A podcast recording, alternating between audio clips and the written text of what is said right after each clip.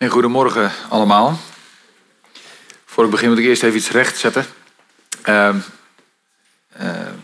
Richard Klein zou uh, voorgaan uh, vanochtend en hij gaf halverwege de week aan van nou, ik kwakkel nogal met de gezondheid en dat is niet zo handig.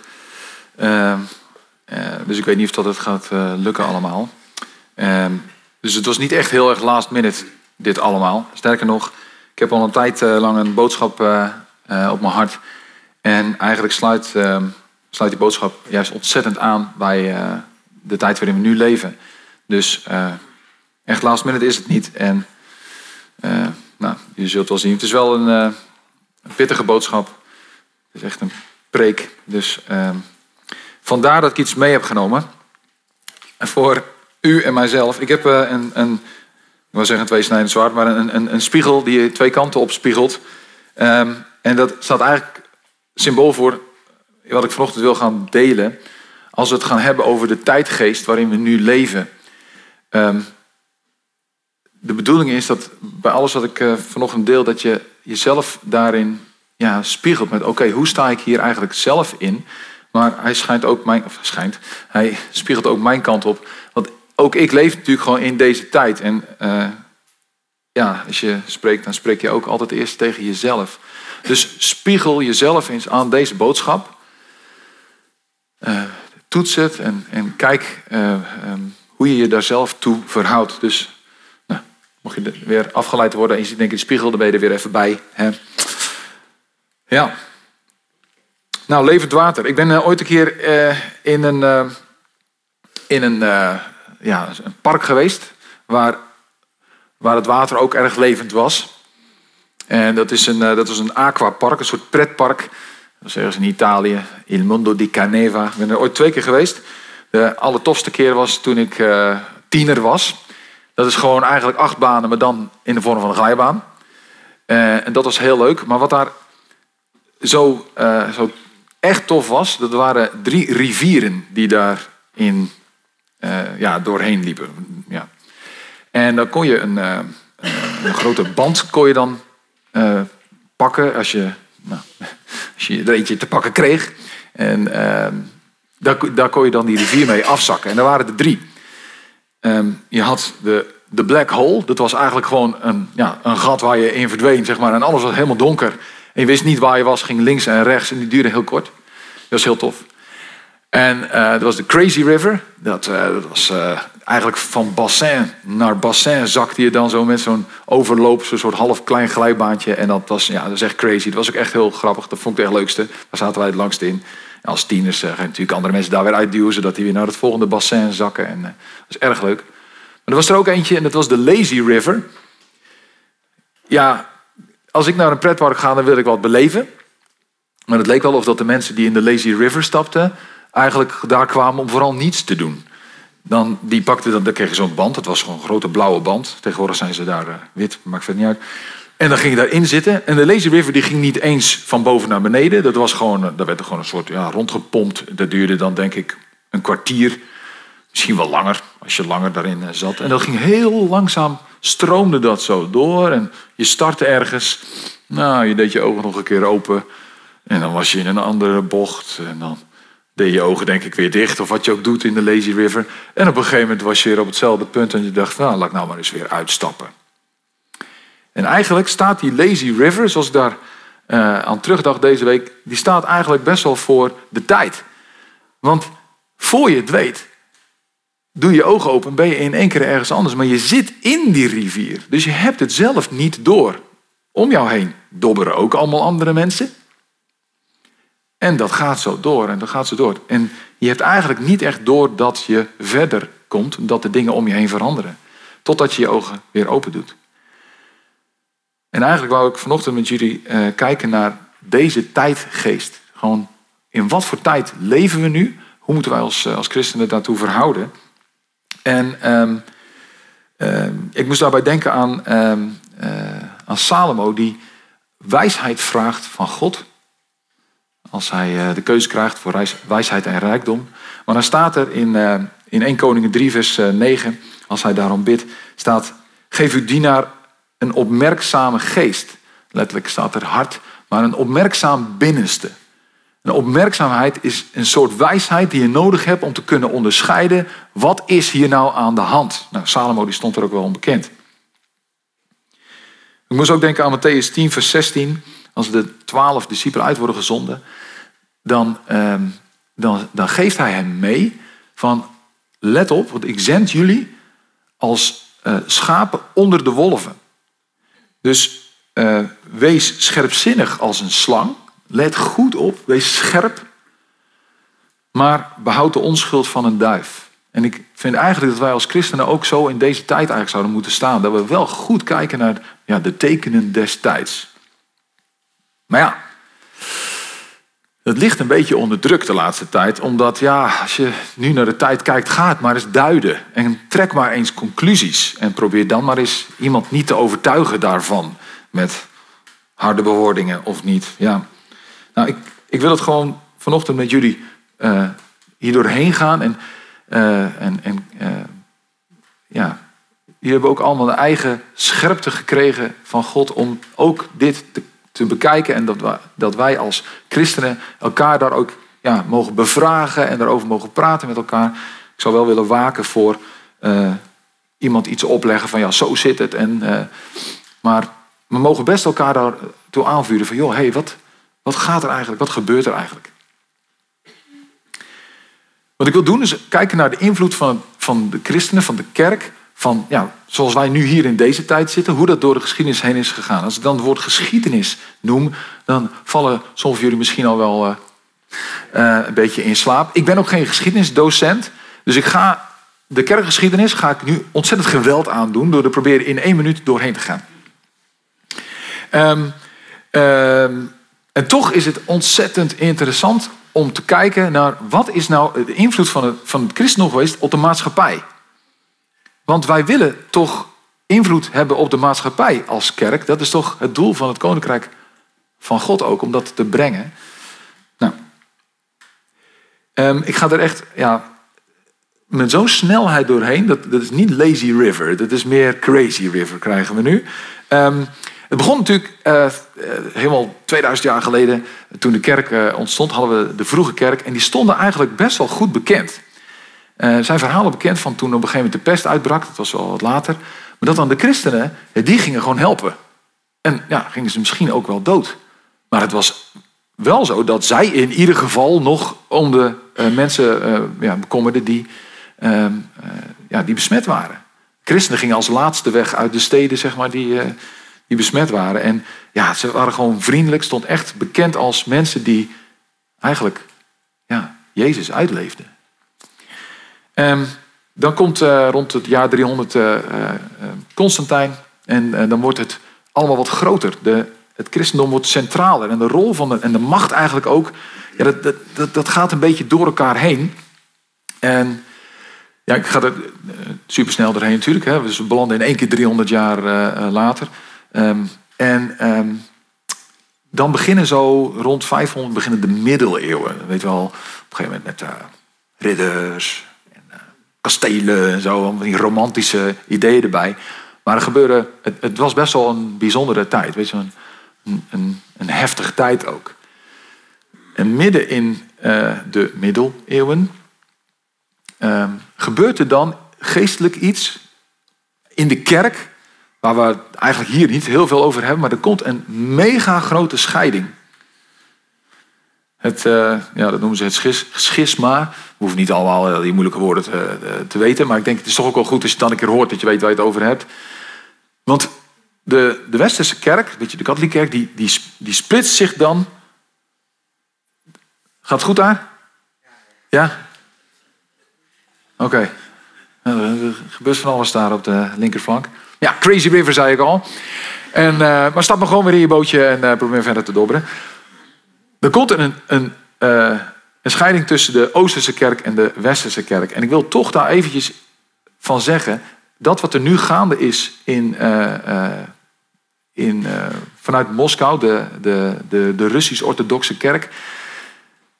Dat, is, dat heeft wel te maken met ehm, wat er toen gebeurde. Want ook rond het jaar 1000 was het in Kiev dat het, de Russisch-orthodoxe kerk begon. Dus als je nu kijkt naar die oorlog, dan is Kiev, wat nu dus uh, ja, omsingeld is en zwaar onder vuur ligt, is super belangrijk voor het uh, Russisch-orthodoxe geloof. Dat was even een zijriviertje. We doen onze ogen weer dicht en we zakken weer verder uh, af. Maar goed, de Westerse kerk, daar ga ik eventjes op door, want daar zitten wij ook in. Hè? In, die, in die rivier zitten wij. Eigenlijk heeft de kerk daar ontzettend veel macht. En het is heel erg ontzettend centraal geregeld. Grote uh, kerkgebouwen. Niet iedereen ging altijd elke zondag naar de kerk. Zo, zo, was het ook weer niet. Maar er was gewoon er was het geloof. Ja, dat was het grote. En dat was het grote verhaal. En daar, ja, dat, dat, dat iedereen wel, daar hoorde je bij. Of dat je daar nou ja, echt in geloofde of niet. Maar het was heel erg centraal. En dan komt er een woord dat je denk ik wel moet weten. Dat is de secularisatie. Het eigenlijk het loslaten van de kerk. Dat begon al. En dat zien we nu nog steeds. Het is natuurlijk de ontkerkelijking in de westerse wereld. Maar dat is eigenlijk al begonnen in de, in de middeleeuwen. Nou, dan zakken we weer een, eh, een bassin verder en dan zitten we in één keer eh, in, eh, in de reformatie. Met, je weet wel, Calvijn en Luther en zo. maar dan wordt eigenlijk het geloof veel persoonlijker. Dat was eigenlijk wat, wat Luther tegen had tegen de kerk. Van dit is allemaal zo groot en er worden zoveel regels bij bedacht. Het geloof moet persoonlijk worden. Jezus is een, een redder van, van personen. En dat past ook wel in de tijd die uh, dan uh, gaat komen. Het wordt centraler in ieder geval in de mensenlevens persoonlijk. Oké. Nou, jullie doen het aardig goed, vind ik. Tijdens de geschiedenisles was ik al lang in slaap gevallen. Maar, maar goed, dan komt de Tweede Wereldoorlog. Eerste Wereldoorlog, Tweede Wereldoorlog. We zitten al heel dichtbij waar we nu zijn. En dan is de wereld wel van slag. En eigenlijk weet het. Ja. Het raakt me toch, ook omdat nu die, die oorlog gaande is, maar dan weten we het gewoon niet meer als mensen. We dachten het te weten. Het was allemaal wel duidelijk, maar de, zulke vreselijke dingen. Mensen is in staat om zo ongelooflijk elkaar ja, naar het leven te staan en op zo'n massa manier elkaar om te brengen. En dan is de vraag, als God bestaat, waarom grijpt hij dan niet in? En als die God niet ingrijpt, dan wil ik daar niet bij horen. En dan krijgen we een tijdperk van het zogenoemde postmodernisme.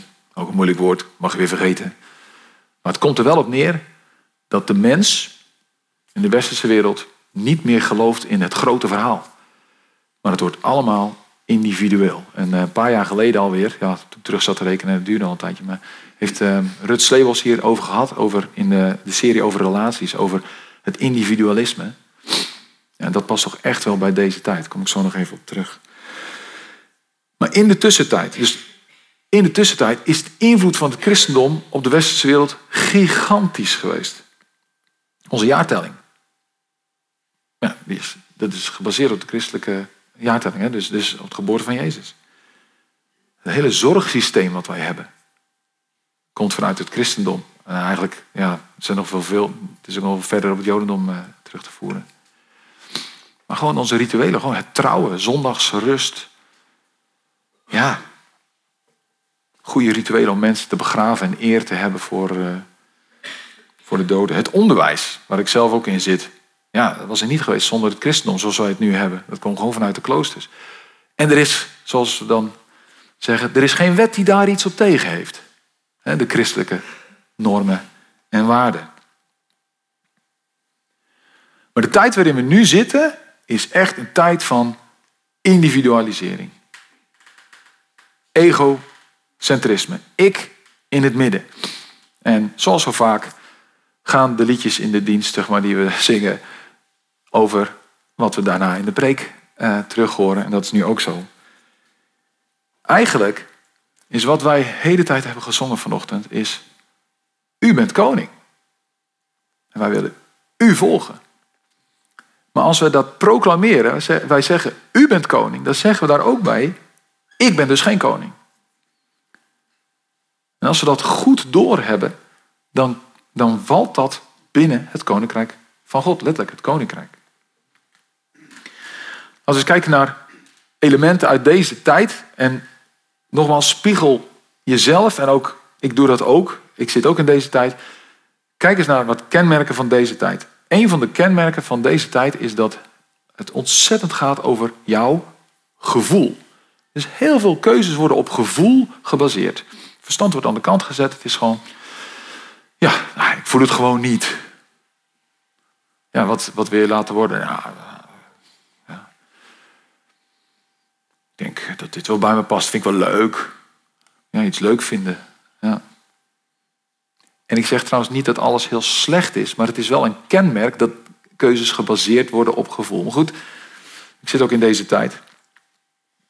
Um, emojis en emoticons, weet je wel, van die smileys. Dat is nou typisch iets van deze tijd. We kunnen gewoon aangeven hoe we ons voelen met een embleempje, met een, eh, met een soort samenvatting in een rondje. Dat is allemaal gevoel. Dat past zo ontzettend. Maar ook ervaring. Ik had net al, ik ben zelf ook, dan ga je op vakantie. Waarom ga je op vakantie? Waarom zou je überhaupt op vakantie gaan? Wat ga je daar doen? Dit zeg ik heel erg tegen mezelf ook. Want ik ja, vind het ontzettend belangrijk. Ik zei ook, ik zit in het onderwijs. Dus vind het ontzettend belangrijk om uh, op vakantie te gaan. In het onderwijs vinden ze het ook belangrijk. Want daar hebben ze dus hele lange vakanties om die reden. Dat is ook heel erg nodig. Maar waarom ga je eigenlijk op vakantie? Dat is om ervaringen te doen. Ja, weg, weg te zijn uit het dagelijkse leven. Maar ervaringen zoeken, thrill seeking, zoals ik dat deed uh, in, uh, in uh, dat zwembadpark. Van 30 meter hoogte een, een glijbaan nemen die eerst echt even recht naar beneden gaat. 70 km per uur over het water. Wauw, wat een ervaring. Ik kan het iedereen afraden. Ja. Maar dat is nou echt iets van deze tijd. We hebben de luxe om dat te doen, hè? om ervaringen te zoeken. Want we hoeven ons niet bezig te houden, misschien wel met andere dingen. Een ander iets is de gerichtheid op bezitting. Als je het hebt over individuele blik, dan is het ja, bezittingen, geld. En ook dit zeg ik ook natuurlijk tegen mezelf. Kleding, hoe belangrijk kleding is. Ik probeer er altijd wel wat aan te doen door uh, wat oudere kleding eh, aan te doen met gaten. Die ik daarna vul met dankbaarheid.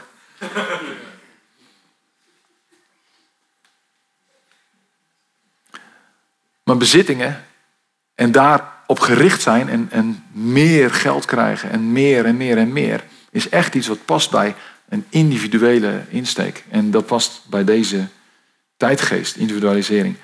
En social media is eigenlijk een samenvatting van dit alles. Het is gewoon, kijk eens wat ik heb. Je neemt tien foto's en de beste laat je zien. Ervaringen, ja, die willen we delen. Want ja, waarom eigenlijk? Omdat het kan. En emoticons erbij. En is er iets verkeerd aan social media? Nou, in zichzelf niet, maar het past wel bij deze tijdgeest. En laten we wel scherp blijven op hoe we dit gebruiken en wat het ook met onszelf doet, hoe het ons beïnvloedt.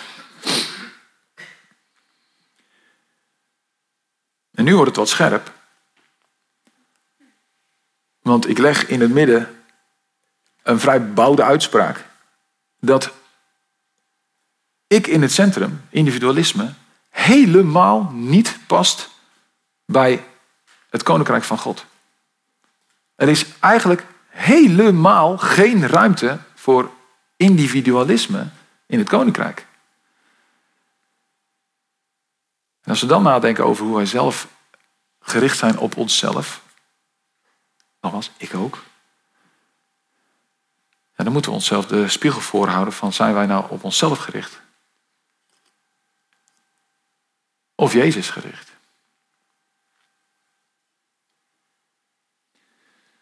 Het kan nog een stapje erger. En dat is iets waar ik eh, de afgelopen tijd eh, wat aan het bestuderen ben gegaan. Ik ga het in een moeilijk woord ga ik het gieten en in een heel simpel zinnetje. Het moeilijke woord is de post-christelijke samenleving. Dus de, de samenleving die eigenlijk na de christelijke samenleving komt. Ik ga dat zo uitleggen. Maar het komt erop neer, als je alles vergeet van vanochtend, Probeer dit maar eens te herkennen om je heen. Mensen willen wel het koninkrijk, maar niet de koning. Wel de lusten, niet de lasten. Ik ga ervan uit dat deze podcast niet beluisterd wordt door uh, mijn collega's op school of mijn schoolleiding. Maar ik werk op een christelijke school. En wij hebben een christelijke grondslag. En als je dat helemaal terugleest, van hoe dat in het christelijk onderwijs, wat de visie daarvan is. En je ziet de praktijk nu. Ja, dan moet ik gewoon bekennen dat wij op school, als school, wel de christelijke waarden en normen willen. Maar Jezus zelf, ja, nou, daar hoeft niet iedereen het over te hebben. Het hoeft niet op Jezus gericht te zijn, maar ja, ik onderschrijf wel de, de christelijke waarden en normen. Ja. We zien het ook terug in de politiek. Oh, politiek. Ja, daar kun je niet over gaan hebben zondagochtend. Zeker niet in deze week. Ik heb het niet voorbereid, maar ik wil even vragen. Er staat een plaatje, rechtsonder in beeld, uh, Oliver Beamer Rist, van uh, een uh, politieke toespraak. En die heb ik al onderin gezet. Had ik even van tevoren moeten zeggen, excuus. Mooie kans op vergeving. Ja, dat cartoontje. Nou, dat wordt Kijk, ik vond dat, dat, dat dit zo typerend voor onze tijd, voor onze politiek. Voor de podcastluisteraar, er wordt een toespraak gehouden door iemand, kan van alles zijn. Het zou zelfs eh, onze gemeente kunnen zijn. Waarin iemand zegt, who wants change? Hey, alle handen gaan de lucht in. Tuurlijk. Yes, we can. Verandering. We willen verandering. En de tweede vraag die stelt, die stelt is: Who wants to change? Wie wil er zelf veranderen? En dan blijven de handen naar beneden. En dit is nou typisch de manier van denken die past volgens mij, zoals ik het ook maar nu zie en even heb bestudeerd, bij deze tijd. We willen wel de lusten, maar niet de lasten. We willen wel de, de, het gevolg van het koninkrijk, maar de koning die is verworpen. Ja, wat betekent het? Hij mag weer, uh, hij mag weer weg. Wat betekent het dan? En dat snapt de wereld ook wel. Wat betekent het als je wel de koning bij het koninkrijk krijgt? Wat zegt dat dan over jezelf? Nou, dan is er geen ruimte voor ik-koning. En daar is bijna geen gesprek over te voeren met mensen die, uh, zonder dat je gaat veroordelen, laat ik het zo zeggen. Of zonder dat het een beetje raar wordt. Er is bijna geen gesprek mee, normaal gesprek mee te voeren. Als je zegt van ja, jij wil wel uh, de christelijke waarden en. Maar hoe is het met je relatie met Jezus? Dat komt dan nogal snel veroordelend over natuurlijk. Ik vind het ook niet de beste manier om te evangeliseren. Maar je ziet dit terug in clubs, misschien ook wel in je eigen gezin, in je familie. Denk maar aan familieleden die dit hebben dit zit wel in, de, in deze tijd. Ja, en ik zie het toch ook in politieke partijen wel terug. Ik zal verder geen namen noemen. Ga ik ook echt niet doen. Maar uh, kijk, weeg dat zelf maar eens van. Wel de normen en waarden, maar niet de koning zelf. Er was al geen ruimte toen Jezus uh, naar de aarde kwam. Uh, hij moest het doen met een voerbak. En daar stond de koning. Waar het op neerkomt, en dat is het probleem, als je de koning gratis bij het koninkrijk krijgt, is dat je die koning moet waarderen als koning. En dan kun je jezelf niet op de troon zetten. En voor ons als, uh, als gemeente, het kan zelfs zo zijn dat we hier komen voor de ervaring. Mag je dan geen goede ervaring hebben? Wel. Maar je moet er niet op gericht zijn. En ja, als je bekeerd raakt, wordt, dan volgt daar wel daarna het volgen van Jezus. Dat is discipelschap. Ja, discipelschap betekent achter Jezus aanlopen. En niet soort bekeerd, ja, ik keer me om. Ik loop achter Jezus aan en daarna ga ik gewoon eigenlijk weer mijn eigen gang. Want ja, ik ben bekeerd. Maar daarna, er zit een vervolg aan wat jezelf wegcijfert en Jezus verhoogt. Dat zingen we en dat menen we ook. Maar daar past onderdanigheid bij. Nou, onderdanigheid, nou, dat is echt vloeken in de kerk van deze. Nee, dat zeg ik verkeerd. Niet de kerk van deze tijd, maar nou, wel in deze tijdgeest. Ja.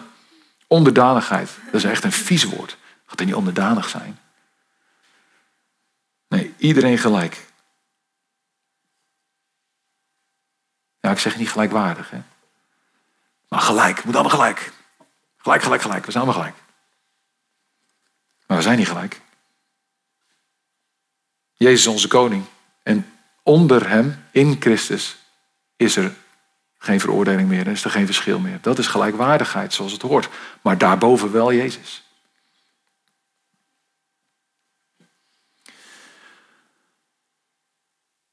Normaal gezien start je met een uh, schriftlezing. Maar dat gaan we nu doen.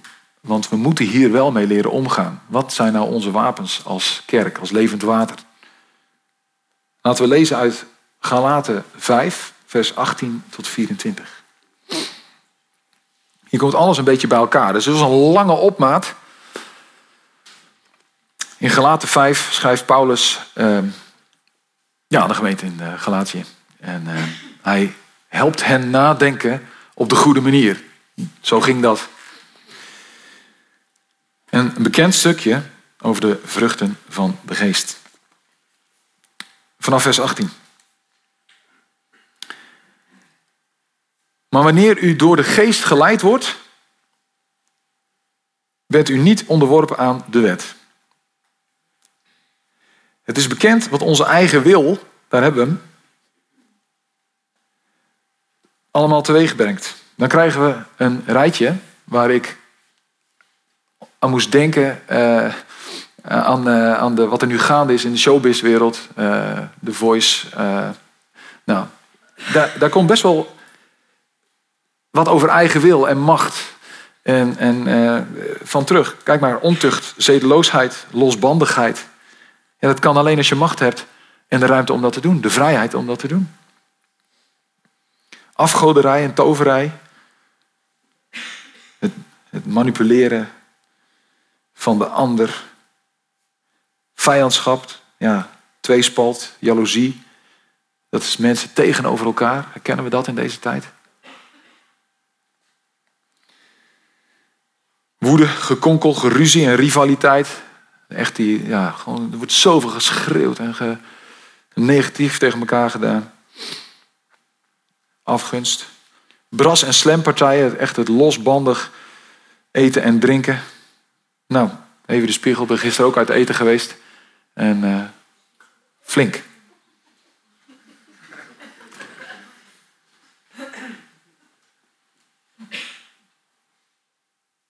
Maar je daaraan overgeven. Ja, dus ik, ja, bewust eten. Ik heb heel erg bewust gegeten trouwens. En het was heel lekker. En echt van genieten. Daar ben ik echt ontzettend dankbaar voor. En dat, was ook wel de sfeer van de avond. Maar wees waakzaam. Tom. Ja. Bras- en slamppartijen. Een brasserie noemen ze het. Ehm, en nog meer van dat soort, ja. En nog meer van dat soort dingen. Dat is dan mooi, er staat er ook. En nog meer van dat soort dingen. Zo van, ah, je weet zelf ook wel. Je snapt hem wel, zegt Paulus hier eigenlijk. Nog meer van dat soort dingen. En dan zegt hij, ik herhaal de waarschuwing die ik al eerder gaf. Wie zich aan deze dingen overgeven, zullen, heftig dit, geen deel hebben aan het koninkrijk van God. Geef je er niet aan over. Waar leef je in? In welke, in welke band zit je in de rivier? Of eh, ja, waar zitten wij met onze tijdgeest en waar, wat zien wij niet meer, omdat wij er middenin zitten? Dat. Dan komt hij. Maar de vrucht van de geest is liefde, vreugde, vrede, geduld, vriendelijkheid, goedheid, geloof, zachtmoedigheid en zelfbeheersing. Er is geen wet die daar iets tegen heeft. Iedereen vindt dit prima hoor, als jij dit bent.